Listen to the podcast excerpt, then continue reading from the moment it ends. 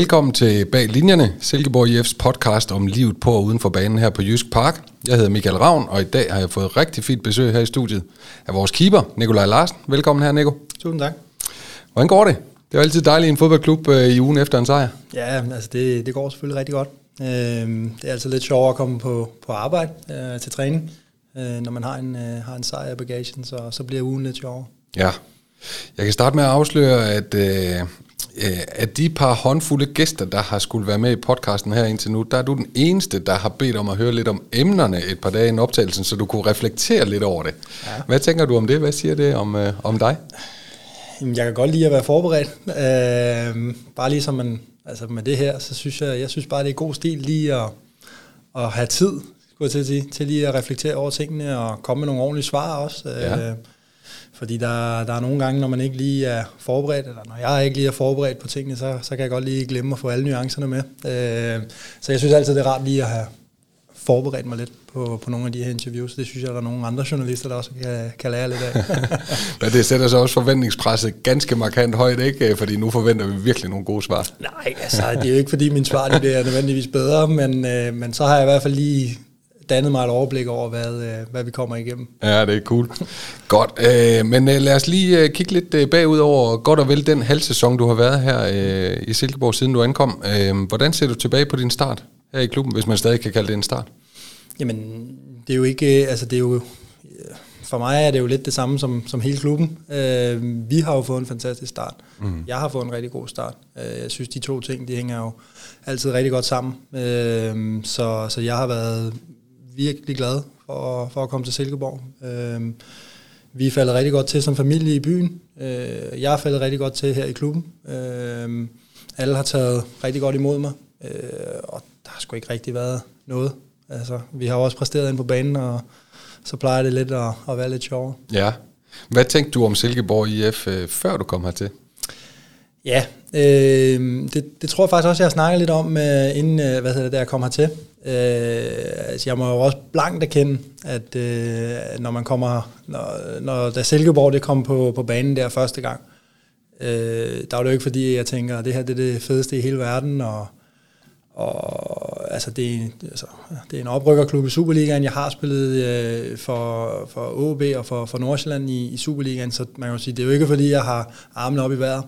Men øh, Silkeborg har også altid været en, øh, en fed klub, synes jeg, at, at følge. Jeg synes, at det er en, det er en klub, som, som ja, udenfor øh, virker til at have rigtig mange af de samme værdier, som, som OB for eksempel har, som, som falder rigtig godt ind i, i de værdier, som jeg har som, som, som menneske, og hvad jeg typisk trives i. Øh, og da jeg begyndte sådan lidt mere at reflektere over det og, og, og smage på, på Silkeborg, øh, så gav det bare super god mening. Øh, og så selvfølgelig så hjalp det jo også lidt, at, øh, at Kent han, han er her, øh, mm. og, og jeg havde en, øh, en fin snak med ham. Øh, men altså, det, den skulle lige synke, hvis man kan sige det sådan. Øh, men, men altså, når jeg så sidder, og det er jo også lidt igen, som jeg er som person, så sidder man lidt og arbejder lidt med fordele og ulemper. Der var sgu ikke ret mange ulemper, synes jeg. Øh, jeg havde også fulgt lidt med i, i, i det der run i første division, da, da vi hentede Helenius hjem øh, her til Silkeborg. mm. øh, fordi det er jo også en af mine tidligere holdkammerater, så jeg har fulgt lidt med. Og I, altså, I smadrer jo øh, første division i, i det forår, ikke? og det var faktisk fedt at se. Jeg fulgte lidt med nede fra Frankrig af. Så, øh, så det var jo også en ting, som, som gjorde det endnu mere spændende at være en del af. Kan du uddybe det lidt, øh, det her med dit øh, sådan, førhen på afstand betragtede værdisæt og øh, den måde, som, som, som du havde indtryk af, at, at klubben bliver drevet på?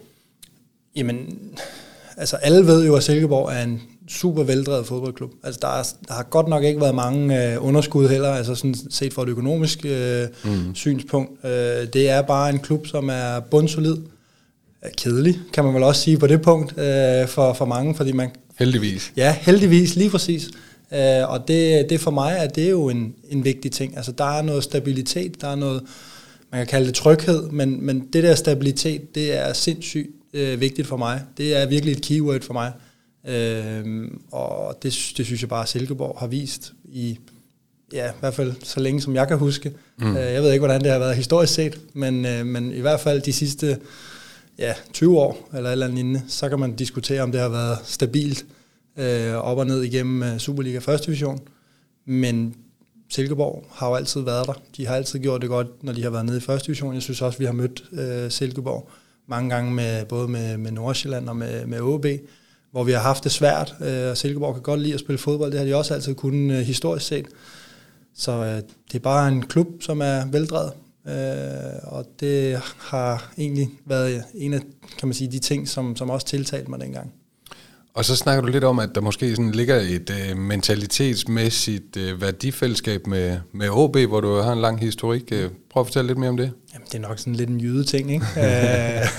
ikke nu er jeg, jyske klubber. Nej, lige præcis, det er rigtigt. Øh, jeg er jo selv øh, født og opvokset over i, øh, i Storkøbenhavn, øh, i Herlev. Øh, og ja, altså, og så skiftede jeg jo forholdsvis tidligt øh, fra Lyngby over til, til OB, da jeg var 19 år, første år senior. Mm. Så der er faktisk ikke ret mange, der ved, at jeg er over fra, øh, fra øen af. Øh, Når du bliver kaldt Aalborgenser Jeg bliver kaldt Aalborgenser, og jeg må da også indrømme, at øh, jeg er jo trods alt blevet voksen i Aalborg. Øh, og jeg tror også, at som person, øh, hvis du skal, skal kigge lidt sådan stereotypt, øh, så er jeg nok mere en nordjyde, end jeg er en københavner. Det må jeg jo også øh, erkende, selvom at, øh, jeg er sgu ikke, øh, altså jeg er vokset op ikke ret langt væk fra, ja, fra, fra, broerne derinde, ikke? Ja. Øh, men øh, jeg er sgu nok lidt øh, nordjyde og kan godt lide at have fødderne plantet solidt i den jyske muld øh, og alle de ting. Øh, det, det er nogle ting, som jeg har haft med hele vejen igennem fra, fra min barndom af også derhjemme. Øh, så det synes jeg er sindssygt vigtigt, og det er noget af det, jeg også godt kan lide her, at øh, man har ligesom kan man sige, noget, noget ro, og man har noget øh, tro på sig selv, og det skal man også have. Øh, men man kan også godt hvile i sig selv, øh, og det synes jeg, man gør her. Mm. Hvordan er du så faldet til i den her øh, meget unge trup, øh, hvor du er tæt på at være alderspræsident med dine knap 31 år? Hvordan, øh, hvordan er du sådan faldet ind i den børnehave? Jamen, øh, det er jeg faldet rigtig godt ind i. Øh, det synes jeg da helt sikkert. Øh, det er ikke helt lige så meget en, nu sagde du det selv, en børnehave, som, øh, som det var i Nordsjælland. Altså, der hæver man lidt flere teenager og, så videre ind. Ja. Men, men det er klart, at det her det er også en ung trup. Øh, her synes jeg også, at vi har, vi har det blandet lidt øh, med, øh, med nogen i sådan midten af 20'erne, og vi er jo også Andrea og, og, og Robert og, og jeg oppe i, øh, oppe i den høje ende. Ikke? Øh, så jeg synes egentlig, at vi har et rigtig godt øh, mix. Øh, godt have haft lidt flere, der havde børn, men, øh, men øh, hvert fald sådan rent personligt, øh, for, for min skyld, men, øh, men det er sgu fint, altså de, de er nogle gode gutter, øh, og igen, så, så kan jeg godt lide det her med, at man, man lader kan man sige, fødderne tale, før man ja, render rundt med store armbevægelser og vil prøve alt muligt. Øh, når man har prøvet at spille to kampe, så, øh, så prøver man stadigvæk at bevare roen og, og holde snuden i sporet. Det synes jeg er fint. Hvilke ord vil du ellers sætte på, på truppen? Øh, I har jo øh, øh, ry for at være en meget velfungerende trup. Prøv at, prøv at fortælle lidt mere Jamen, om det. Jeg synes, at velfungerende er et virkelig godt ord at bruge. Der er, der er rigtig mange, der, der har det godt sammen indbyrdes. Øh, det synes jeg ikke nødvendigvis er noget, man, man, man skal have øh, i en, i en trup, men, men det er også en god ting at have, at man kan sammen øh, socialt. Og der synes jeg, at vi vi er rigtig gode til at passe på hinanden, og vi er rigtig gode til at, at nede i omklædningsrummet, og der er mange, der spiller kort sammen og, og så videre, øh, og der er mange, der bliver hængende lidt længere tid. Øh, så det er, en, det er en fed gruppe at være en del af, øh, fordi der er faktisk meget liv i det, når, når folk ikke bare træner og kører hjem. Øh, der bliver lavet lidt ekstra, og bliver hygget lidt ekstra, øh, og man sidder og snakker og så videre. Det, det er også en vigtig ting af, og af fodboldverdenen, kan man sige, at øh, man også ja, kan være sammen. Øh, fordi vi bruger trods alt også mange timer sammen. Ja. Øh, så det er også fedt, at man rent faktisk også kan være sammen i, i længere tid, uden at det er påtaget. Ja, og vælge at gøre det, det, det ja, må være et sundhedstegn. Øh, du har jo så øh, vel sagtens efterhånden øh, prøvet øh, alle typer roller i en trup. Altså, øh, som du selv siger, tog øh, fra Lyngby til, til OB som 19-årig. Mm øh, hvor du så blev etableret fast øh, første keeper, og så blev du en slags næste, kan vi vel godt sige, på et meget ungt øh, Nordsjælland-hold. Kom til en lidt hård periode i Frankrig med en masse kaos rundt om, øh, og nu er du så øh, en slags erfaren leder her i Silkeborg IF. Hvad, øh, hvad byder du så ind med i den rolle? Jamen, jeg synes jo selv, jeg byder ind med, når nu snakker jeg inde på, på banen, når vi spiller kampene, mm. øh, med noget ro, selvfølgelig nede bagfra, øh, noget stabilitet, forhåbentlig. Øh, og så en masse kommunikation, en masse vejledning, en masse øh, sådan hjælp. Øh, jeg synes, det er sindssygt vigtigt, at øh, man har en... Som målmand, som, som jeg, der synes jeg, at det er vigtigt, at man kan vejlede, hvis man kan sige det sådan, øh, kommunikere bagfra. Øh, det er mig, der har, kan man sige, øh, overblikket øh, helt nede. Jeg har også tiden, øh, og mange gange også det fysiske overskud. Øh, det er ikke, jeg skal ikke ud og, og løbe alle mulige sprinter og så videre, så jeg har også rent faktisk det fysiske aspekt, hvor at jeg kan godt råbe, uden at, øh, uden at jeg, jeg bruger kræfter på det. Øh, så så det, det synes jeg er en vigtig ting som, som målmand at, at kunne, øh, også som forsvarsspiller. Jeg synes, det er vigtigt for alle spillerne. Men, øh, men nu, nu har jeg det her aspekt med, at jeg ikke skal være forpustet øh, hele tiden i hvert fald inde på, på banen, så jeg kan godt, øh, kan godt lige hive lidt op i folk. Hvem, øh, hvem styrer ellers tingene derinde på banen? Jamen altså, det har vi jo selvfølgelig Salkvist, øh, Andrea han er også begyndt at tage mere og mere, øh, og det er jo, jeg synes, mange gange så falder det jo også naturligt i de positioner, man spiller, øh, hvor man har overblikket henne på, på banen. Øh, så det er jo typisk os tre, hvis man kan sige det sådan, øh, fordi vi har ligesom overblikket nede bagfra. Men øh, opfra er det jo også Helenius, der tager noget og prøver at og komme med lidt vejledninger. Øh, på midten har vi jo Brink, som primært gør det med fødderne, øh, men også øh, selvfølgelig kan, kan vejlede lidt, og ellers så kan man jo høre kendt hele tiden. Ja. ja. Hvordan oplever du så det her samarbejde med, med bagkæden og resten af holdet? Men det synes jeg, man har kunne se. Øh, mm. Det har været stort set fremragende fra, fra dag i dag. Øh, det har været utrolig nemt at falde ind i. Øh, og jeg synes også, at det, det er også lige vigtigt at sige, at når man, når man som jeg kommer til som, som ny, at øh, man, man skal lige hurtigt snakke sammen. Øh, Andrea er også ny. Øh, Salkvist er forholdsvis ny, hvis man kan sige sådan. Øh, han har trods alt øh, været i klubben før, mm. øh, og han er dansk, ja. så det hjælper også lidt på det. Men man skal lige snakke om, øh, hvordan er det, man kommunikerer, hvordan er det, man gør de forskellige ting. Øh, hvad betyder det, når jeg siger højre, når jeg siger venstre, hvad betyder det, når jeg siger højre skulder, hvad betyder det? Altså, fordi det, det kan være forskellige ting rent faktisk fra målmand til målmand. Altså, når jeg siger højre, er det så fordi, der står en til højre, eller fordi han skal rykke sig til højre, eller hvad er det, han skal? Øh, så det er nogle af de der nuancer der, man lige skal have snakket om på forhånd. Øh, fordi der er forskel, øh, hvad man lige synes, og hvad man lige er vant til. Og, så, så det er bare godt at lige få det på plads øh, fra start af, øh, så vi alle sammen er på, ja, på samme hold. Mm. Øh, fordi ja, hvordan, det handler jo om at spille hinanden gode. Øh, og jeg siger jo ikke noget, øh, eller gør noget, hvor jeg ved, at det er dumt øh, i forhold til, hvordan Salkvist han, øh, han præsterer, eller en hvilken som helst anden på banen. Så det handler også om øh, de forskellige mennesker, hvordan er de, hvordan responderer de og så videre. Så det er jo et stort puslespil mange gange. Ikke? Altså man skal ikke behandle alle ens. Det, det synes jeg ikke, fordi øh, der får du ikke det bedste ud af hver enkelt. Skal man være øh, en dygtig menneskekender for at være en dygtig målmand? Nej, men det, jeg, jeg synes jo generelt, at hvis du skal være en god leder, en god kommunikator, Øh, det er ikke kun målmand, øh, men en god leder og en god kommunikator, så skal du kunne øh, være en god menneskekender. Du skal kunne se, hvad, hvad det er, folk responderer godt på og dårligt på og så videre. Øh, det, det synes jeg i hvert fald er, er sindssygt vigtigt, øh, og det er også vigtigt for en træner, der står ude på siden, at finde ud af, hvad er det, der Øh, ja, fordi du, gør jo, du kommunikerer jo ikke for din egen skyld, du kommunikerer jo lidt mere for at at hjælpe dine holdkammerater for, at man så, kan man sige, kan hjælpe sig selv i sidste ende. Men øh, det nytter jo ikke noget, at jeg får det godt af at svine en eller anden til, hvis han ikke får det godt af det. Så er det jo ja, bare noget værre noget at gøre. Ikke? Ja, ja. Men hvad betyder det så, øh, Nikolaj, når du råber højre eller venstre eller højre skulder? Ja, men højre skulder, det er, når der er en på hans højre skulder. Han skal bare lige kigge over skulderen, kan man sige. Ikke? Øh, når jeg siger højre, så skal han rykke sig til højre. Jeg kan også sige, at han kommer højre så kommer der en spiller fra højre i løb. Ikke?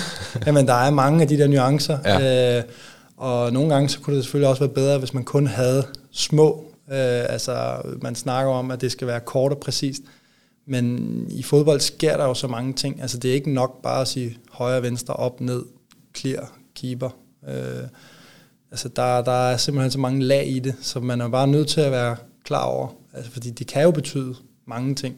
Men hvad er det så reelt, det betyder? Ikke? Altså, det skal jo helst kun betyde én ting for os alle sammen. Ja, så det er noget, der er sådan relationelt imellem jer øh, hele tiden er under udvikling og bliver afstemt løbende, og øh, I bliver jamen, klogere på hinandens jamen, råb og det er det jo, altså man, man bliver hele tiden klogere på hinanden. Øh, også bare af at spille sammen, og altså, der er jo også mange ting, som jeg ikke ved, øh, som jeg er ubevidst om, hvad betyder, hvis man kan sige det sådan. Mm. Øh, og jeg er ubevidst om, at jeg måske bruger det i flere forskellige ting. Men så er det jo så der, hvor det måske sker til træning. Forhåbentlig sker det til træning, det skal helst ikke ske til kamp. Øh, og så kan man ligesom lige hurtigt tage den. Hvad er det egentlig, at jeg mente? Og så, oh, så er der, er et eller andet der, som, øh, som måske kan gå galt den anden gang. Ikke? Øh, så mange gange så, så er det jo det der med learning by doing. Ja. Øh, det, det sker også ofte, fordi du er sgu lidt ubevidst om, hvad det er, det, hvad er det reelt, jeg mener, øh, når jeg siger det. Øh, så det kommer også med erfaring, og det kommer så specielt med alle de relationer der. Ja, og så hvis vi vender tilbage til det overblik, du snakker om, mm. øh, som du har dernede fra, hvordan, øh, altså, hvilke ord vil du sætte på øh, SEF spillestil, øh, se det nede fra din øh, position fra feltet? Og efterfølgende, hvad er din ja. rolle i det? Ja. Øh, min kendt, han elsker at bruge øh, short passing mm. som, som sådan lidt et keyword, og det, det synes jeg jo egentlig passer meget godt. Altså, vi kan jo rigtig godt lide at spille mange øh, korte afleveringer, øh, og sådan lidt for at prøve at se, om vi kan rykke dem. Men, men jeg synes jo også, at en, en af de ting, som vi er rigtig skarpe i, det er jo netop i omstillingsspillet der klinger det jo lidt hult at sige, at øh, vi er gode i omstillinger, men vi er også gode til at spille kort, fordi omstillinger, det handler om at have fart, og der er du altså nødt til at have nogle længere afleveringer. Mm. Øh, så jeg synes, at vi, vi er lidt et mix af det hele, men jeg synes jo, at short passing er en vigtig del for os, for at få rykket modstanderen, og så kan man så sige, når vi mister bolden, eller vi får kombineret igennem det, eller et eller andet lignende, men så, kan vi, så skal vi spille hurtigt, og så er det ikke altid det er den korte aflevering, der er den rigtige. Øh, jeg synes jo egentlig, at vores spil er meget komplekst. ja. men, øh, men det der med korte afleveringer, hurtige kombinationer, vi vil gerne have rigtig mange inden centralt, øh, så vi har mange relationer i det der. Det, det synes jeg jo er det vigtigste. og så det allervigtigste, igen, det er spillet uden bolden. Det er også der, hvor vi faktisk er rigtig gode. Øh, vi står godt rent defensivt, en god defensiv struktur. Vi står tæt i kæderne, som man siger. Ja. Men øh, først og fremmest så løber vi rigtig meget. Og så nyder I at spille fodbold? Ja, lige præcis. Vi, har det sjovt med det? Præcis. Ja. Øh, det er altid sjovt, når man har bolden. Øh, ja. men, øh, men ja, vi løber sindssygt meget fra hinanden. Øh, og ja. det er faktisk også det, der gør, at vi kan spille på den her måde. Øh, og det er en svær spillestil at have, føler jeg. Øh, fordi der bliver faktisk krævet rigtig meget af dig. Øh, øh, så der er igen stor respekt til, til de øh, 10 spillere ude i marken, som skal løbe solen sort hele tiden. Ikke? Jeg skal trods alt bare stå dernede og råbe af dem. Men du deltager jo også. Altså, din ja. rolle i den her spillestil, prøv at sætte lidt ord på det. Ja, men ja, altså min, øh, min rolle er jo selvfølgelig at, øh, at være en del af det der opbygningsspil, når, når de andre de prøver at presse højt. Øh, og det har vi jo selvfølgelig løbet ind i en gang imellem. Så det er vigtigt, at jeg også kan, kan finde de rigtige, de rigtige afleveringer, øh, så vi holder bolden kørende. Og der kan man sige, der bliver jeg jo en 11. mand øh, og så er vi en mand i overtal i, i det der. Så det er jo, der er jo sket rigtig, rigtig meget i, i målmandsspillet, øh, bare ja. siden at jeg startede øh, i OB. Øh, det, har, det har udviklet sig rigtig, rigtig meget, øh, og der bliver sat større krav til, hvad du kan med, med fødderne. Ja. Øh, det kommer vi også ind på. Ja, du får i hvert fald også lov til at tage mere risiko, end man gjorde dengang. Ja. Der var det jo egentlig bare, at du i tvivl, så spark den ud over sidelinjen. Ja. Øh, det er det sgu ikke så meget mere. Øh, hvis jeg er i tvivl, så skal jeg finde en længere aflevering, men den skal stadig sidde i brystet på en. Ikke? Ja. men er det fedt? Altså, øh, trives ja, du i det? Jeg synes, det er skideskægt. At være med? Øh, du bliver synes, ikke holdt udenfor? Nej, jeg bliver ikke holdt udenfor. Jeg synes, det er rigtig sjovt. Øh, og det er jo også... Øh, ja, en del af min øh, udvikling øh, i løbet af min karriere. Øh, det skal jo siges, at øh, jeg fik jo aldrig rigtig skudt i foden i, i OB, jeg var god med fødderne. Øh, men øh, det var ikke fordi, det lå fremmed for mig. Øh, vi gjorde det faktisk også rigtig meget i, i Lyngby i mine ungdomsår. Ja. Jeg havde fokus på det. Øh, så det er bare gået lidt op i en højere enhed her, i selvfølgelig i Nordsjælland, hvor jeg fik lidt mere øh, lov til at spille med, men specielt her i, i Silkeborg, og så har fodbold det bare udviklet sig ja. øh, helt vildt. Øh, nu får du også de specielle målspark her. Dengang jeg startede, der skulle den jo uden for feltet. Ikke? Ja. Øh, det gør det lidt lettere at, at blive en del af lige til at starte med øh, og det giver lidt flere muligheder. Så ja, jeg har udviklet mig rigtig meget. Fodbolden har udviklet sig rigtig meget. Det er bare sjovere at være en del af, i stedet for at jeg bare skal høvle den op af. Ja. Jeg ved, der sidder nogen derude på lægterne en gang imellem og lige ved at skide grøn gris over det her ja. øh, short passing helt nede i eget øh, felt. Ikke? Men, men du virker komfortabel i det. Ja, men altså, jeg ser det jo faktisk som, øh, netop for at komme tilbage til det her med omstillinger. Altså prøv at forestille dig, at vi får lukket de andre helt frem på banen. Ja. Og så har vi jo vanvittigt meget rum at løbe i bag til. Øh, vi strækker dem jo helt ud. Øh, og så har vi netop også plads til at spille short passing ind imellem dem. Så for os er det bare en kæmpe fordel, hvis de begynder at presse os op i vores eget felt. Ja, spiller bare altså, rundt om. Ja, så spiller vi bare rundt om, og vi får lige pludselig noget mere rum, og så kan vi skulle køre en omstilling på dem. Ikke? Ja. Øh, så, øh, så det kan godt være, at man er ved at skide grønne grise over det, men øh, det, er en, øh, det er faktisk en, en decideret strategi fra vores side, Ja. at se, om vi kan få dem fremad, fordi det er der, vi ved, vi, vi er farligst, altså hvis vi kan få lukket de andre frem. Ja. Øh, så har du jo, som du selv var inde på, øh, genoptaget samarbejdet med Kent Nielsen, som du jo øh, arbejdede sammen med og fik store oplevelser sammen med også i, øh, i OB. Hvordan har det været at, at, at genoptage det samarbejde? Men det har været rigtig godt. Det har været fuldstændig som forventet. Ja. Øh, Kent, han er jo meget lige til. Øh, en mand, der, der siger sine meninger, og du ved altid, hvor at, øh, at du har ham. Det er sådan, jeg husker ham fra, fra OB, øh, og sådan er han sgu stadig. Øh, han har også udviklet sig noget øh, i forhold til det fodboldmæssige selvfølgelig, men, øh, men han er jo langt hen ad vejen den samme mand, som, øh, som øh, også forlod OB dengang, øh, og jeg kan bare godt lide, at øh, ja, han kalder en spade for en spade, øh, og hvis ikke du har gjort det godt nok, så får du jo også at vide, at hvis du har gjort det helt vildt fremragende, men så øh, har han jo ikke hænderne op heller, vel? Øh, det kan Valis jo skrive under på. øh, og det, men jeg synes faktisk, det er fedt, at øh, der bliver hele tiden sat større krav, og øh, jeg siger også til mange af de andre, at øh, de synes måske nogle gange, at Kent han kan også godt være lidt for altså, negativ i de her perioder, hvis man kan sige sådan, når man gør det rigtig godt. Øh, at han, men, men det er jo en eller anden måde, øh, Kents måde at få os, kan man sige, få armene ned igen og holde snuden i sporet. Ja. Og jeg siger jo så også, at de på det tidspunkt, hvor vi kommer ind i en dårlig periode, så er det Kent, der, der prøver at løfte armene op. Ikke? Altså der er han jo egentlig, de kommer til at opleve en meget mere positiv øh, Kent i de dårlige perioder. Ikke? Øh, men det er jo også fordi, at han kigger sindssygt meget på præstationer. Øh, på, gør du de rigtige ting? Altså, det kan godt være, at afleveringen ikke sidder der, men løber du de rigtige positioner osv.? Altså, han har han har det ekstra lag. Altså, det handler jo ikke kun om resultater, hvis man kan sige det sådan. Altså, at vi taber en kamp, det betyder ikke noget.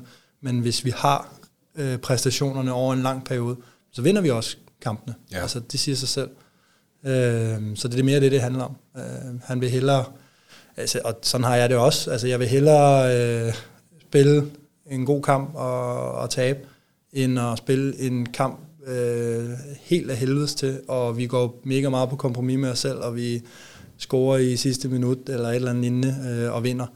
Altså det, det skal selvfølgelig også til i fodbold. I sidste ende, så bliver du selvfølgelig bedømt på resultaterne, men på den lange bane, der er det altså præstationerne, der bringer dig, der bringer dig frem til resultaterne, og det er sådan, jeg ser på det i hvert fald. Ja.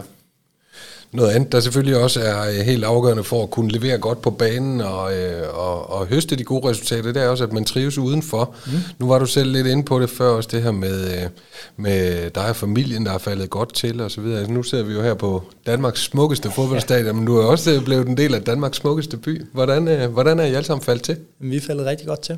Øhm, søn startet i skole, og min datter er startet i børnehave. Øhm, og vi fandt forholdsvis hurtigt et sted at, og slå os ned. Øh, så vi, vi er bare faldet rigtig, rigtig godt til fra start af. Øh, Silkeborg som by passer os rigtig godt. Øh, der er sgu, øh, man kan sige, der er det, man har brug for nede i, nede i byen. Øh, der er også nogle caféer og restauranter, som er rigtig gode. Øh, og ja, altså så længe, sådan er det jo, når man får børn. Øh, så længe børnene de trives, så, øh, så plejer de voksne også at, at falde godt ind i det. Øh, og hvis ikke de gør, så lever man med det, ikke? fordi børnene har det godt. Ja. men, øh, men vi begge to, øh, både mig og min, øh, eller min kone og jeg, vi er faldet, øh, vi er faldet rigtig godt til her. Øh, og det er også, øh, det er også sindssygt vigtigt for, for, for mig, at, øh, at de, de andre, de, de kan finde ud af at, og, og kan man sige, at få deres hverdag til at fungere. Øh, fordi i sidste ende, så er det, så er det faktisk det vigtigste øh, for mig, øh, at de har det godt. Og det gør, at jeg kan have det godt. Øh, det er ikke så sjovt at komme hjem til, til en kone og børn, eller et eller andet, som er, som er ked af, at et eller andet, der, der er sket nogle forskellige steder, så kommer det også til at smitte af på mig. Klart. Øh, lidt apropos har vi også fået en række spørgsmål ind til dig via Facebook, hvor Thomas Dollerup Pedersen eksempelvis spørger, om du da ikke bare har lyst til at blive i klubben i mindst fem år mere. lyder som en god idé. Skal ja, vi kalde stykker op ja, øh, i ja, studiet? han kan da bare komme op. Det er fint. Øh, jo, men det, det kunne da ikke være så, så slemt at, at være her i, i mange år endnu. Øh, så det, det er i hvert fald en fed udvikling, vi er i gang med, og det er et dejligt sted at være. Så øh, det kan da godt være, at Stykker han skal til at komme lidt i gang. Må ikke han lytter med. Nå, må ikke. ja. Øhm, er det øh, sådan helt forkert at gætte på, at du har øh, ligesom øh, genfundet fodboldglæden her i Silkeborg efter en, et lidt hårdt ophold i Frankrig, hvor der var masser af kaos rundt om? Ja, der var rigtig meget kaos rundt om, og det har jeg også fået, øh, fået snakket øh, lidt om med, med diverse medier, øh, så det behøver jeg ikke at lægge så meget. Altså det skal jo siges, at vi havde det faktisk rigtig, rigtig godt dernede, sådan uden for banen. Øh, igen, vi var faktisk faldet rigtig godt til. Men der skete bare så meget i, i klubben desværre, som øh, altså, det var også det, jeg snakkede lidt om med, med nogle Altså jeg tror aldrig nogensinde på, på det år. Altså jeg har oplevet mere, flere forskellige ting her i, i Frankrig på det år, end jeg har gjort igennem hele min karriere. Ja. Øh, der, det var dybt kaos, hvis man kan sige det sådan. Øh, for, ja, stort set fra start til slut. Øh, nej, det startede godt, det skal jo siges. Øh, men, øh, men fra første kamp, i hvert fald, øh, jeg havde lige en god måned, øh, så, så gik det godt nok ned ad bakke desværre. Ja. Øh, så jeg kom på et skidt tidspunkt i, i, i klubbens historie, for det var faktisk en, en fed klub, en rigtig fin by, og vi var jo et eller andet sted lidt ked af, at det skulle, skulle slutte. Ja, ja. Øh, men det var jo det rigtige for, ja, fordi fodboldmæssigt, der var det jo ikke lige det, vi havde håbet på. Så for mig, egoistisk set, var det ikke, var det, ikke det rigtige, mm. desværre. Men, øh, men ja, sådan er det. det øh, men øh, ja, du kan vel godt sige, at jeg har genfundet fodboldglæden. Øh, det har da helt sikkert. Øh, nu er det, det er lidt sjovere at komme på arbejde, når man, øh, når man også er i startopstillingen. Og det er jo det, der er, det er det, der er så svært i en, øh, i en fodboldklub også, at øh, vi er jo, jeg kan ikke engang huske, hvor mange vi er, hvad er vi, 27 eller sådan noget lignende i truppen, 7-28 stykker. Mm. Øh, og sådan groft sagt, så er der 11, der er tilfredse ikke, i, i weekenden, og ja, de 16 andre, de er sgu ikke øh, særlig glade, fordi de starter ude. Øh, så groft sagt, så er der jo flere, der er utilfredse, end der er tilfredse hver weekend. Øh, og det er også det, der er med, med den her branche. Det er, det er sindssygt svært øh, at være lidt udenfor og, og komme ind. Øh, og det, det fik jeg da i hvert fald også lige syn for sagen øh, dernede i Frankrig. Ja, så fik du prøvet den del også. Ja. Øh, det var jo, ja, det ved jeg ikke, om du har oplevet det som ungdomsspiller, men du har jo knap nok som senior, i hvert fald efter du lige fik slået hul ind øh, på OB-holdet i hvert fald. Ja, jamen lige præcis. Øh, det, det er svært at sidde udenfor, og, men på den anden side, så tror jeg også selv på, og der vil jeg da gerne lige give mig selv et lille klap på skulderen, at øh, jeg holdt da trods alt snuden i sporet øh, dernede i Frankrig, selvom jeg godt vidste, at det var det så rigtig svært ud øh, at komme tilbage igen. Men, men med, altså jeg blev ved med at træne øh, hårdt og træne godt og lave noget ekstra og så videre. Og så kan man sige, da jeg så skifter til Silkeborg, så står jeg i en, i en forfatning, som, øh, som er, at jeg kan, jeg kan spille fra dag i dag. Øh, så jeg tror også på, at det arbejde, jeg lagde i det dengang øh, i Frankrig, hvor det var lidt surt, øh, men det er også det, der har gjort, at jeg har fået en god start her. Ja. Og, øh, så det synes jeg også er vigtigt at sige til alle de andre fodboldspillere, som lytter derude, at øh, selvom det, det ser lidt svært ud, så, så er man altså nødt til at holde ja, snuden sporet og være klar, hvis der kommer en chance i, i klubben, men ellers ja. til den næste klub. Ja. Så har vi fået endnu et spørgsmål ind øh, her fra en Jens Basyr Havrum, der spørger, hvordan er det at være del af et top 3-hold? Han har nok taget øh, sådan lige foruddiskonteret en lille smule. Jamen, det har jeg jo prøvet før. Ja. Øh, men altså, det er jo det er altid sjovest at spille med, i, uh, spille med i toppen. Jeg vil sige, jeg har ikke prøvet ret meget at spille med i, i bunden. Det var faktisk, øh, faktisk kun i Frankrig, øh, vi gjorde det. Fordi i OB spillede vi jo altid sådan i midten, eller det var lige mit første år, men der spillede jeg ikke. Der var vi tæt på at rykke ned i OB. Øh, måske så, derfor. Så er det måske derfor. Ja. Nej, dog ikke. Øh, men... Øh, det er altid sjovt at spille med i toppen. Altså jeg, jeg må også uh, sige, at jeg havde ikke lige regnet med, at vi skulle være top 3 hold. uh, top 6 hold i hvert fald uh, her uh, i den her sæson. Det, det må jeg blankt erkende. Der har vi, der har vi overgået uh, mine forventninger, i hvert fald inden jeg kom. Men jeg synes jo også, at, uh, at der var nogen, der spurgte mig, uh, dengang jeg kom, men hvad, hvordan jeg lige synes niveauet var. Altså, jeg, synes, altså, jeg havde faktisk forventet, at det var dårligere niveau ja. øh, af, en, af en oprykkerklub. Øh, jeg synes faktisk, vi træner på et sindssygt højt niveau. Øh, jeg kan ikke se, at det her, det er, det er ikke lavere niveau, end, end jeg har været vant til fra, fra Nordsjælland eller, eller i OB. Så, øh, så øh, ja, det er nogle virkelig dygtige øh, spillere, vi har herude, og vi har en rigtig god træningskultur, så ja, jeg kan ikke se, hvorfor vi ikke skulle kunne være med i toppen, men, øh, men ja, Superligaen er bare vanvittigt tæt, ikke? Ja. Øh, og vi skal holde snuden sporet, som jeg godt kan lide at sige. Ja, ja. Øh, så, øh, så vi kan komme med op i den top der. Øhm, nu har vi rundet lidt med din øh, historik og de klubber, du nu har spillet i. Øh, det kan lige lede hen til endnu et spørgsmål, der er tikket ind fra Facebook. Der er det mm. Allan Nørgaard, der spørger, hvad er den største forskel på at spille i SIF, sammenlignet med de andre steder, du har været? Gerne med en begrundelse. Ja, den største forskel. Ja, men det er jo lidt svært at sige. Øh, umiddelbart så vil jeg da sige, at forskellen fra OB og Silkeborg, øh, det kan jeg lige starte med her. Der er der jo noget fodboldmæssigt i hvert fald, at øh, vi spillede ikke så konsekvent, kan man sige. Ja, vi kalder det jo fodbold, øh, altså short passing, det er jo det, der er moderne lige nu, ikke? Ja. Øh, men der var det lidt mere sådan anderledes øh, fodbold, vi spillede øh, i, i OB. Ja, det er, mere, øh, det er en mere ultimativ kendt. Ja, det her det er mere en ultimativ kendt. Ja, ja. Altså, øh, jeg skulle til at sige, den måde, vi sluttede af med, med kendt, og vi også vandt mesterskabet på, jeg har jo mange lighedspunkter i det her. Mm. Men vi spillede stadigvæk ikke med lige så meget, synes jeg i hvert fald, øh, decideret sådan, vi prøver lige at presse lidt højt en gang imellem, og vi prøver sådan, altså der, der havde vi ligesom den her defensive base, vi kunne godt lide at spille meget centralt, og der er mange lighedspunkter i det. Men, øh, men her er vi, jeg synes skulle vi er mere offensiv, end, end vi var i OB. Øh, nu får jeg også lov til at spille med. Øh, ja. det, er også en, det er også en forskel. Øh, men egentlig så synes jeg faktisk, der er rigtig mange. Der er flere lighedspunkter mellem OB og Silkeborg, også som by. Man bor i byen. Øh, det synes jeg er fedt personligt.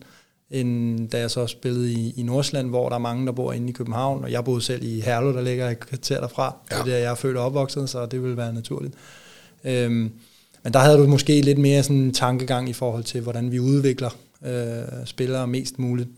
Øh, så nu begynder jeg sådan, nu snakker jeg mest om klubberne og er i det. Ja. Øh, der er en lidt anden tankegang i, i Nordsjælland i forhold til her i, i Silkeborg, hvor vi også, skal man sige, vi skal, vi skal vinde kampene, øh, men vi skal også præstere. I Nordsjælland har de den tredje nuance med, at vi skal også udvikle og sælge unge spillere. Ikke? Øh, så der er sådan lidt et ekstra lag på der. Øh, mm. Og det kan godt være nogle gange lidt svært at navigere i, i forhold til, at der kommer noget... Der kommer faktisk lidt strategi ind i, i forhold til en startopstilling ja. øh, fra, fra klubbens side. Men, øh, men stadigvæk, det ultimative er jo stadigvæk, at vi skal vinde den næste kamp. Og hvis det så konflikter med en strategi, jamen, så handler det om at vinde kampen. Ja. Trods alt. Ja. Så, men øh, når vi kommer i top 6, så bliver der prøvet lidt mere. Ja. Det ved jeg ikke, om der bliver her. det må vi jo vente og se. ja, det glæder vi os til at se. øhm, så, så er du selv inde på det her med, at det, det er fedt at bo i byen også, og så videre. Men her er det jo også øh, lidt specielt sammenlignet med en del andre klubber i og med, at hverdagen og øh, altså udspiller sig det samme sted, som hvor øh, man øh, spiller hjemmekampene. Mm. Hvad synes du om det? Men det her er faktisk en lidt todelt omkring. Øh, jeg var vant til det i Nordsjælland også, der spillede og trænede vi også det samme sted. Ja. Altså jeg synes, det er fedt at træne ind på stadion. Det vil jeg gerne lige øh, slå fast. Øh, det er virkelig fedt, at det er sådan, at det er et sted, og man føler sig tryg, hvis man kan sige det sådan. Ja. At det er et sted, du kender, og du er her hver evig eneste dag, og det giver også noget tryghed sådan i hverdagen. Øh, når du så kommer til weekenden, at altså, det er ikke mere specielt end, end det. Men på den anden side, så synes jeg også, der var også noget fedt i, i, i OB, at vi trænede et sted, og så når du kom på kampdagen, jamen, så var det et nyt sted. Øh, der, der kommer sådan lidt mere jeg ved ikke, man skal kalde det sådan krydderi i, hver, i hverdagen, ikke? Mm. at øh, du, du, spiller, du spiller kamp et andet sted. Øh, så jeg, jeg, er faktisk lidt, jeg, jeg er faktisk lidt i tvivl om, hvad jeg, hvad jeg synes om det. Ikke? Der er noget godt ved begge øh, modeller. Der, der er godt ved begge ting, ja. øh, det må jeg skulle sige. Øh, jeg, jeg synes også, at det er fedt, at man har øh, alle tingene herude, hverdagen og så videre. Det giver noget tryghed, når man også kommer til kampdagen. Men jeg synes også, det var også fedt at kunne køre ind til stadion på en eller anden måde. Man var ikke vant til at se det der. Ja. Altså det der, det, jeg skulle til at sige, det er lidt ligesom at, ja, jeg ved det ikke, nu kommer jeg til, at min kone bliver sikkert utilfreds nu, ikke? men altså det der med den første kærlighed, hvis man kan sige det sådan, ikke? lige når du møder øh, stadion der, det er som om, uha, det er noget nyt det her, ikke? det er lidt farligt og lidt spændende, og det andet, det, det er bare konen, der er der hver dag, ikke? øh, lige så skøn og dejlig, med, som hun er, ikke? den her podcast. lige så skøn og dejlig, som hun er, ikke? Øh, ja. Ja, det var du må heller lægge noget mere på. Ja, ja, lige præcis. Det er godt, jeg elsker dig, skat. Nå, det er godt. Lad os vende tilbage til det her med øh, sådan den målmandsfaglige udvikling. Nu har du øh, snart 11 års erfaring på, på, på det højeste niveau.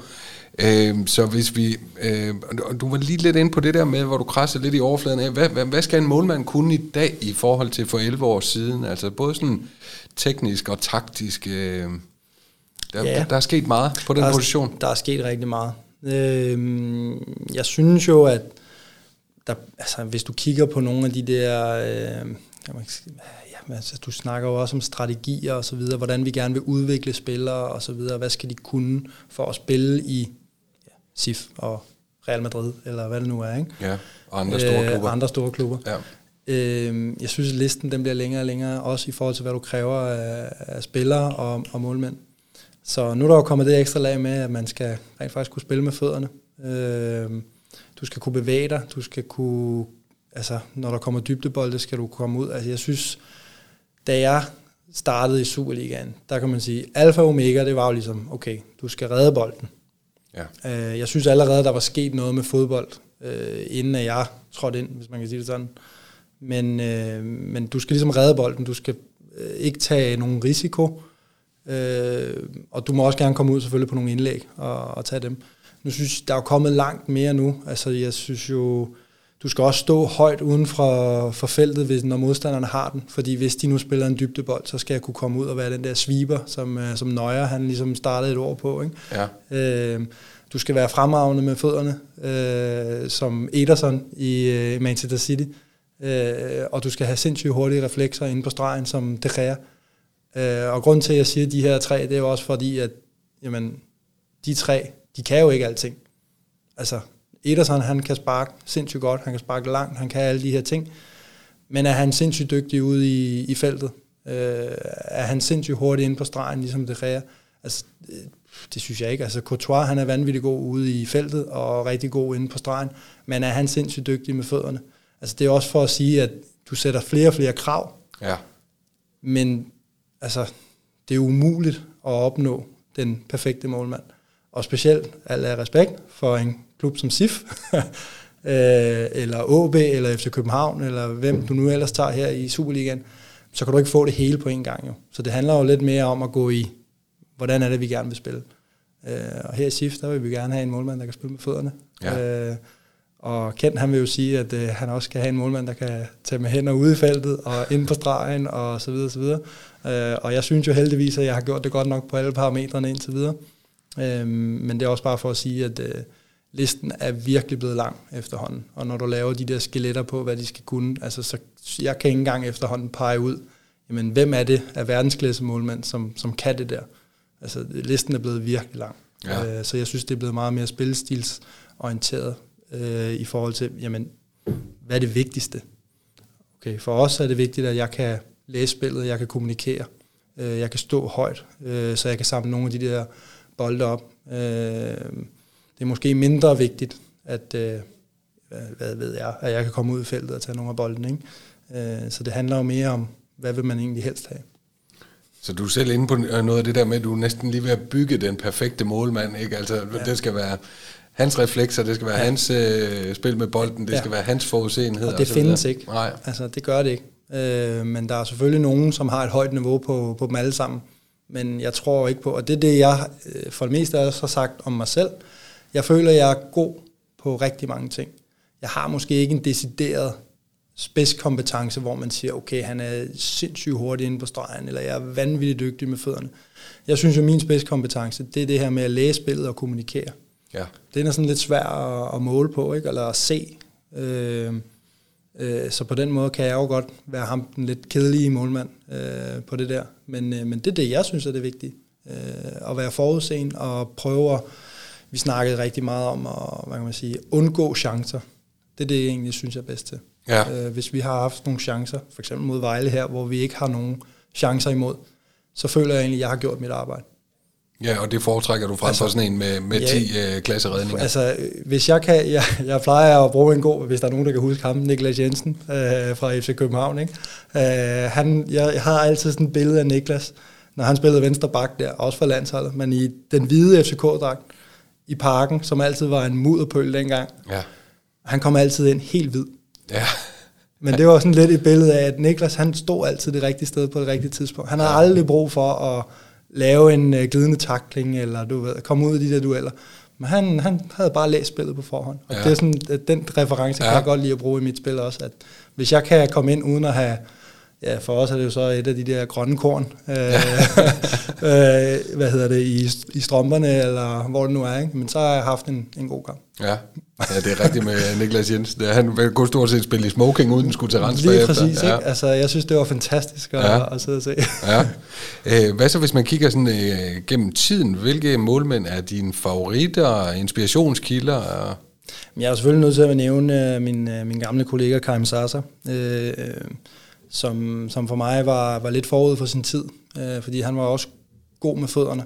Ja. Øh, og, og havde et, kan man sige, et godt blik for spillet, hvad det angår.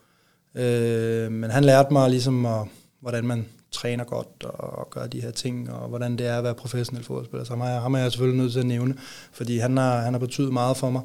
Øh, i forhold til den tilgang, jeg har valgt øh, som professionel øh, efterfølgende, fordi det, det har været meget af det, jeg har kigget på, når, når Karim han forberedte sig. Øh, fordi spillestilsmæssigt, så passer vi sgu egentlig ikke ret, ret meget sammen. Øh, der havde han nogle andre kompetencer, end, øh, end jeg havde, eller, og jeg har. Øh, men sådan lidt mere internationalt, øh, så har jeg altid syntes, at Edwin van der Sar var fantastisk i sin øh, Manchester United-tid. Mm. Øh, stor øh, og hurtig, øh, og faktisk også god med fødderne, også forud for sin tid.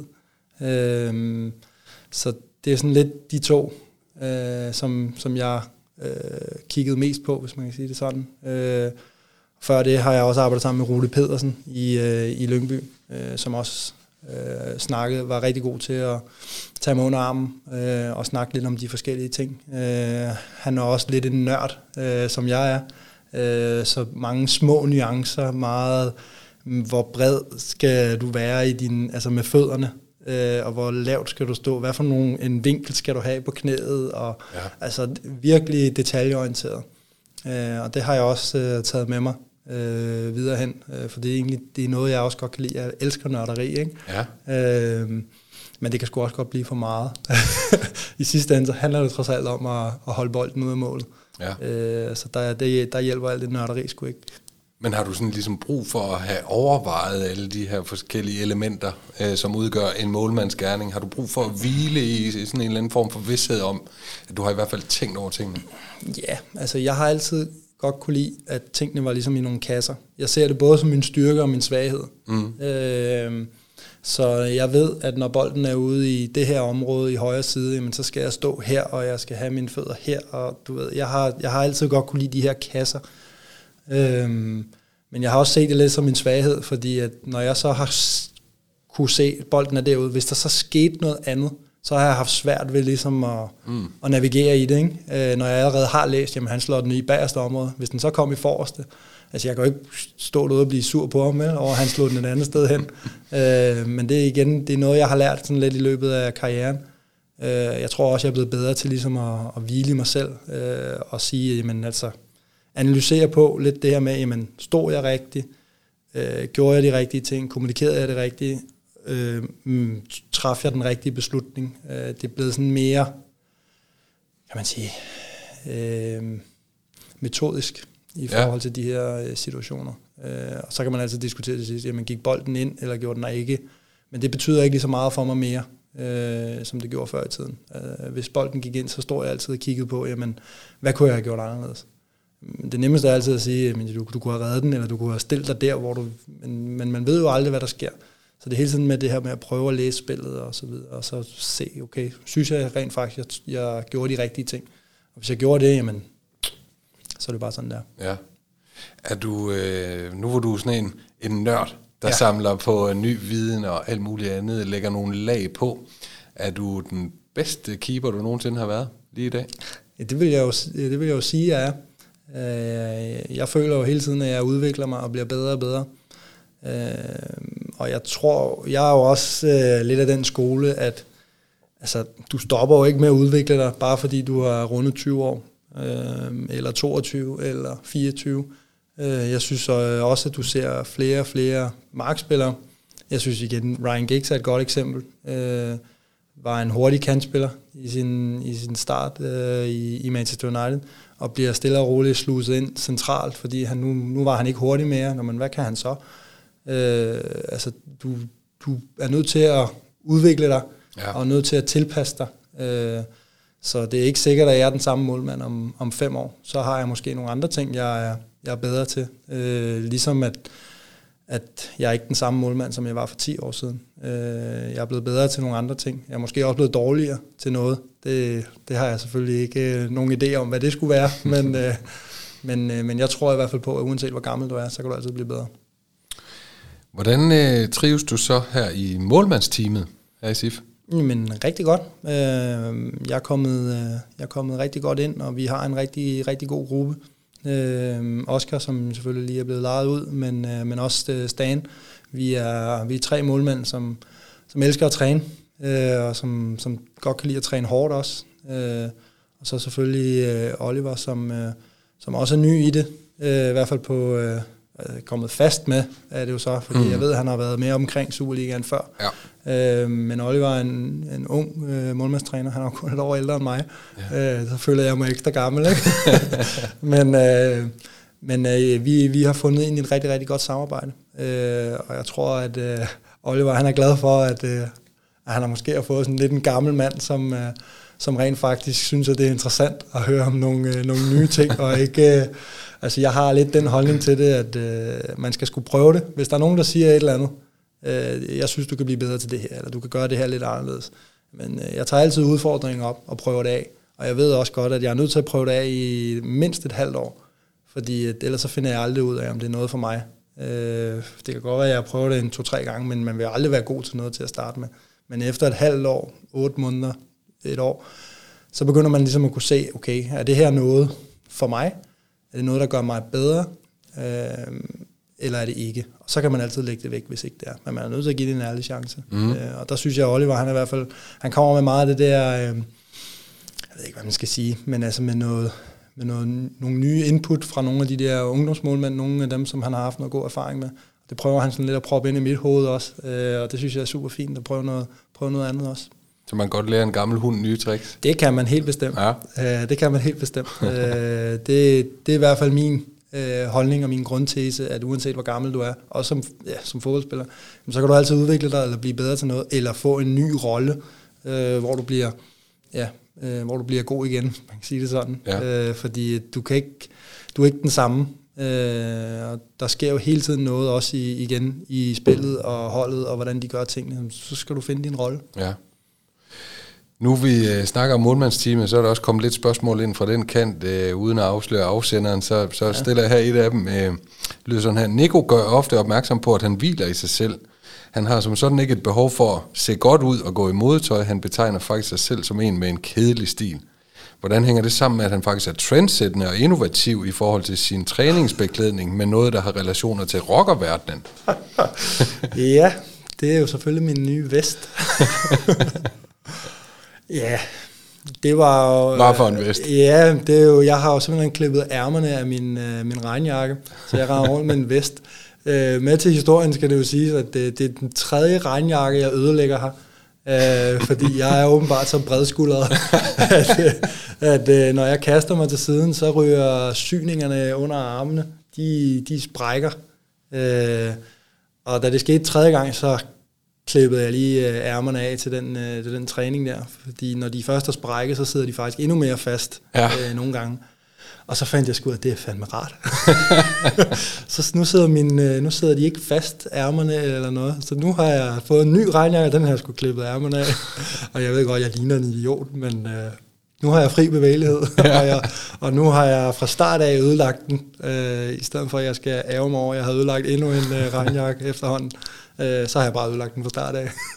jeg kan huske en gang, øh, det kamerunske landshold øh, vil stille op til en VM-slutrunde ja, i ærmeløs, tror jeg. Det, det kan være, vi skal høre Ulesport, om de har noget ja, på vej. og AG i København gjorde det i håndbold, Det er ikke? rigtigt, ja. Det er rigtigt. Så det, jeg ved ikke, hvad det ligner. Altså, og jeg vil også sige, at jeg ved heller ikke, hvad jeg ligner. Men øh, jeg, har også, øh, jeg har også spillet i en øh, heldragt på et tidspunkt. Øh, altså trænet i sådan en uh, heldragt, sådan en flyverdragt, hvor man Ja. kan, og det vil jeg så sige, det er fantastisk at have sådan en på, øh, på sådan en kunststof, kunststofbane. Alle de Ja. der små granulat, de ryger ikke øh, ned imellem Ah, uh, buksekanten der. nej. Så jeg har faktisk allerede spurgt uh, efter en, men uh, Ulsport, de laver dem ikke mere. så jeg ved ikke lige, om jeg skal prøve nogle andre steder her i, i byen, og se, om man kan få syet bluser og bukserne sammen. Det, kan det, det være må det. være min næste projekt i hvert fald. Det næste, det bliver en ærmeløs flyverdragt. Lige præcis, det bliver skide godt. Jeg tror ikke, der er mange kunder, men vi har en. Nej, vi har en. Ja. Endnu et spørgsmål fra den kant lyder, øh, Nico kan godt lide at lave noget god mad til sine venner og familie, og især på fridage øh, nyder han at gøre noget ekstra ud af måltidet.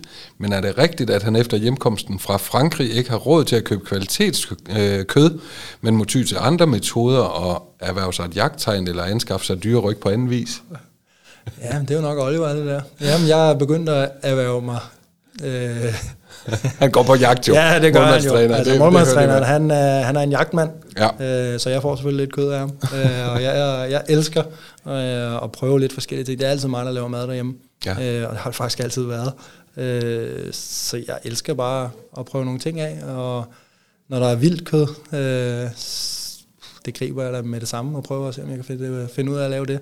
Øh, så det har jeg da også gjort her, da Oliver han begyndte at, at sige, at øh, jamen, han havde noget, Ja. han, man lige kunne få som om. Er, Målmandstræner og kødpusher. Lige præcis, det er, det er fantastisk. Jeg havde faktisk en, øh, det skal, det skal jo siges, jeg havde jo i OB, der havde jeg jo en, øh, en kødpusher. Ja. Øh, Det var, der var vi jo øh, en gang med mig og Henrik Dalsgaard specielt, os to. Vi var ude ved, en, øh, ved sådan en engroslagter, de solgte jo til, øh, til restauranter og caféer og så videre, men øh, vi fik lov til at gå ind i, i lageret der og købe øh, direkte fra lageret der. Øh, og da jeg så flytter øh, ja, hjem igen, er det jo så til, til Herlev, øh, der får jeg jo så en fiskepusher. Ja.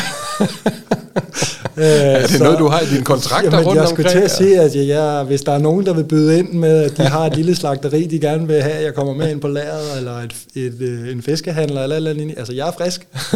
jeg vil rigtig gerne ind i, øh, i lagerrummet, kølerummet og alle de der ting. Jeg tror, øh, jeg vi, elsker det der. vi skal hugge dig op med Silkeborg-slagteren. Ja, men lige præcis. Og jeg, jeg er da også efter sådan min tur i, i Frankrig der, så øh, rødvin er jo selvfølgelig en, en stor ting dernede. Ja. Så det har jeg da også fået en lille smule, øh, lille smule smag for, i hvert fald, at, at prøve de lidt bedre øh, årgange. Øh, jeg har ikke en skid forstand på det, men, øh, men jeg har da i hvert fald øh, fået lidt mere smag for det med, med alderen, for jeg kan godt huske, hvordan det var for, for fem år siden, når jeg prøvede et øh, lille glas. Det smagte ikke særlig godt. Er du sikker? Der var du ellers i farven jo. Ja, lige præcis, men der kunne jeg sgu ikke lide det. øh, men efter sådan en tur i Frankrig der, så har vi fået lidt mere smag for det. Ja. Så hvis der er nogen, der kender nogen... Alright. Øh, os kigge lidt frem mod søndagens opgør i uh, 3F Superligaen, hvor uh, ja, du behøver vel ikke at indstille GPS'en, hvis du selv skulle køre uh, Aalborg Nej. Portland Park. Du kender ruten, uh, har spillet der et godt stykke over 100 gange. Uh, hvad er det for en, uh, en kamp uh, at se frem til? Men det bliver en rigtig svær kamp. Øh, OB fik jo også en rigtig god start. Ja. Øh, så ja, det bliver, det bliver en, en hård modstander. Øh, et hold, som øh, selvfølgelig har haft lidt øh, uden for banen her med trænerskifte mm. og ikke trænerskifte, og de venter nu på, at Lars Friis han kommer derop. Men, øh, men de har bare fået en god start, og de har en rigtig god base. En, øh, ja, også en, ligesom os, en, øh, en konsekvent øh, spillestil. Øh, og så har de det der element med power og fysik i, i deres øh, ja, talenter, specielt og Granli, øh, som er vanvittigt dygtige omkring standardsituationer. Ja. Så udover at de også er gode på bolden, jamen så, så kan de rent faktisk også score på de der standardsituationer, som, som vi har, vi stadigvæk mangler lidt. Øh, så det bliver bare, det bliver svært selvfølgelig, men øh, også en fed udfordring. Vi skal bare ud og køre på og prøve at se, om vi kan spille udenom dem, og altså, vi er jo rimelig fortrøstningsfulde. Vi gør jo tingene, som, som vi plejer. Altså, der er jo ikke nogen, der behøver at spørge, hvordan vi vil gribe kampen an. Øh, vi gør det, vi plejer. Er der ikke de store hemmeligheder på den front? Nej, det er der sgu ikke. Øh, men det er klart, at vi har jo selvfølgelig lidt nuancer øh, altid i forhold til, hvem vi møder. Øh, det kan jo selvfølgelig være i, i måden, man vil bygge op på, eller hvad for nogle områder, vi skal ramme osv. Men, øh, men ellers så har vi jo en base øh, og en måde at gøre tingene på, og den ændrer vi jo egentlig aldrig. Øh, så det er kun mere, jamen, hvor kan der være lidt flere rum og lidt mere plads, og så se, om man lige kan have lidt mere fokus i de områder, i de forskellige kampe, så mm. vi, kan sige, vi skruer 2-3 procent øh, i den ene eller den anden retning hver gang. Ja, så er vi også nødt til lige at runde det her top 6-emne, som øh, der snakkes så meget om. Ja. Altså, hvor optimistisk er du i forhold til at opnå den øh, store drøm, ambition, eller har du arbejdet så længe med Kent Nielsen, at øh, fokus udelukkende rækker til den næste kamp? Nej, altså... For det er vel lidt blandet? Altså, jeg synes jo godt, man kan, vi kan sagtens sige, altså, sådan er det jo nu. Øh, der bliver jo slået en streg ja. øh, efter hvad, ja, 22 runder, ikke? Ja. Øh, og er du i top 6, eller er du ikke top 6? Og jeg lige nu er da meget optimistisk. Altså, vi ligger jo på en femteplads. Ja. Øh, så hvorfor skulle vi ikke kunne komme i top 6? Men jeg har det også sådan, at altså, øh, vi tager selvfølgelig stadigvæk en kamp ad gangen. Og det er ikke den næste kamp, der gør det. Om vi vinder eller taber eller spiller uafgjort i OB, det er ikke det, der gør det. Øh, det handler om de næste, for os nu fire kampe, og hvad den samlede sum bliver af det. Øh, lige nu er vi jo foran på point, så vi har ikke noget, vi skal, vi skal gøre som sådan anderledes. Altså vi er ikke afhængige af andre, øh, så vi skal jo bare ud og gøre, gøre det, vi, vi gør. ja. Og lige nu er der en rigtig god chance for, at vi kan komme i top 6. Så hvorfor ikke, øh, altså, hvorfor skulle vi ikke kunne gøre det? Vi går selvfølgelig efter det, fordi vi er fodboldspillere. Vi går altid efter at vinde den næste. Ja. Øh, så hvis vi, hvis vi bare holder den, så ryger vi i top 6. Ja. Og der er så mange, de, uh, de kigger nedad, og hvor mange point er der nu, og sådan noget. Mm. Men øh, er det ikke også okay at kigge lidt opad? Jo, jo, selvfølgelig er det det. Øh, det er altid sjovt at kigge opad. Øh, det er jo en ting, jeg, jeg altid gerne vil rose, specielt Nordsjælland for. Mm. Også selv i den her situation. Man er altid rigtig, rigtig god til at kigge fremad og kigge opad, og hvad er det næste mål, og hvad vil man gerne opnå. Øh, man kigger ikke så meget på frygten i, hvad der kommer bagfra. Øh, og det synes jeg da også, vi skal tage med her. Øh, det er en, altså, vi har alle muligheder for at opnå noget. Øh, og vi har en drøm om at komme med helt op. Og hvis ikke du drømmer om det, jamen, så kan du heller ikke opnå det. Øh, så vi skal da selvfølgelig arbejde ud fra at opnå drømmen. Ja. Altid. Så vil jeg spørge her, altså vi nærmer os uh, næsten en times optagelse, mm. og uh, her til sidst vil jeg bare spørge, om uh, du har nogle ting, som du synes, vi skal ind omkring, noget vi mangler, og runde, eller en særlig hilsen, du vil sende, eller andet. Du har jo nærmest annonceret efter både fisk ja, og kød, altså, jeg ved jeg snart bare, ikke, hvad... I sender bare. Kaffe, kaffe kan jeg også godt lide. uh, så der er, ikke, der er ikke noget der, I sender bare. Uh, nej, jeg har ikke, har ikke så meget. Uh, jeg synes bare, det lige nu er, er Silkeborg IF et fedt sted at være. Øh, det er også en fed klub at, at være supporter af lige nu. Ja. Øh, så vi får, vi får rigtig, rigtig meget ros øh, hele vejen rundt om, og, og det er en fed tid og, og lige nu for, for Silkeborg, så jeg synes er bare, jeg vil gerne sende endnu en opfordring til, at, øh, at folk de kommer på stadion. Ikke lige på, på, på søndag her, for så går de da i hvert fald forgæves, men, øh, men i hvert fald på næste søndag, når vi møder møder Brøndby, øh, fordi vi har også brug for, for alt som, øh, al den opbakning, vi kan få, øh, al den støtte, vi kan få for, for at opnå ja. øh, de ting, vi gerne vil. Øh, det kræver også, at, øh, at vi får den opbakning. Det gør det altid sjovere, når man er mange om at, ja. at være med i det. Og det så flot ud sidst, var? Lige præcis. Øh, det, igen, øh, det er, jeg tror også, jeg har sagt det et par gange før, men det er et virkelig et fedt stadion, det her. Øh, lydmæssigt. Øh, det, der behøver faktisk ikke at være ret mange. Jeg vil rigtig gerne have, at der kommer ret mange. Ja. Øhm, men bare det, der er en 4-5.000, øh, altså, så bliver det allerede øh, meget lyt her. Øh, så når vi er på 6, 7, 8, så er det bare en pissefed, øh, undskyld jeg bander, men en virkelig, virkelig fed øh, kulisse at være i ja. øh, for os spillere. Og jeg tænker også for, for alle tilskuerne bliver det også lige lidt ekstra sjovt. Ja, vi satser på, at det bliver endnu sjovere. Ja. Øh, så vil jeg bare sige tak for, at du lagde vejen her forbi øh, podcaststudiet. Det var podcasten bag linjerne her på øh, Danmarks smukkeste fodboldstadion. Tusind tak, fordi I lyttede med derude. Vi lyttes ved.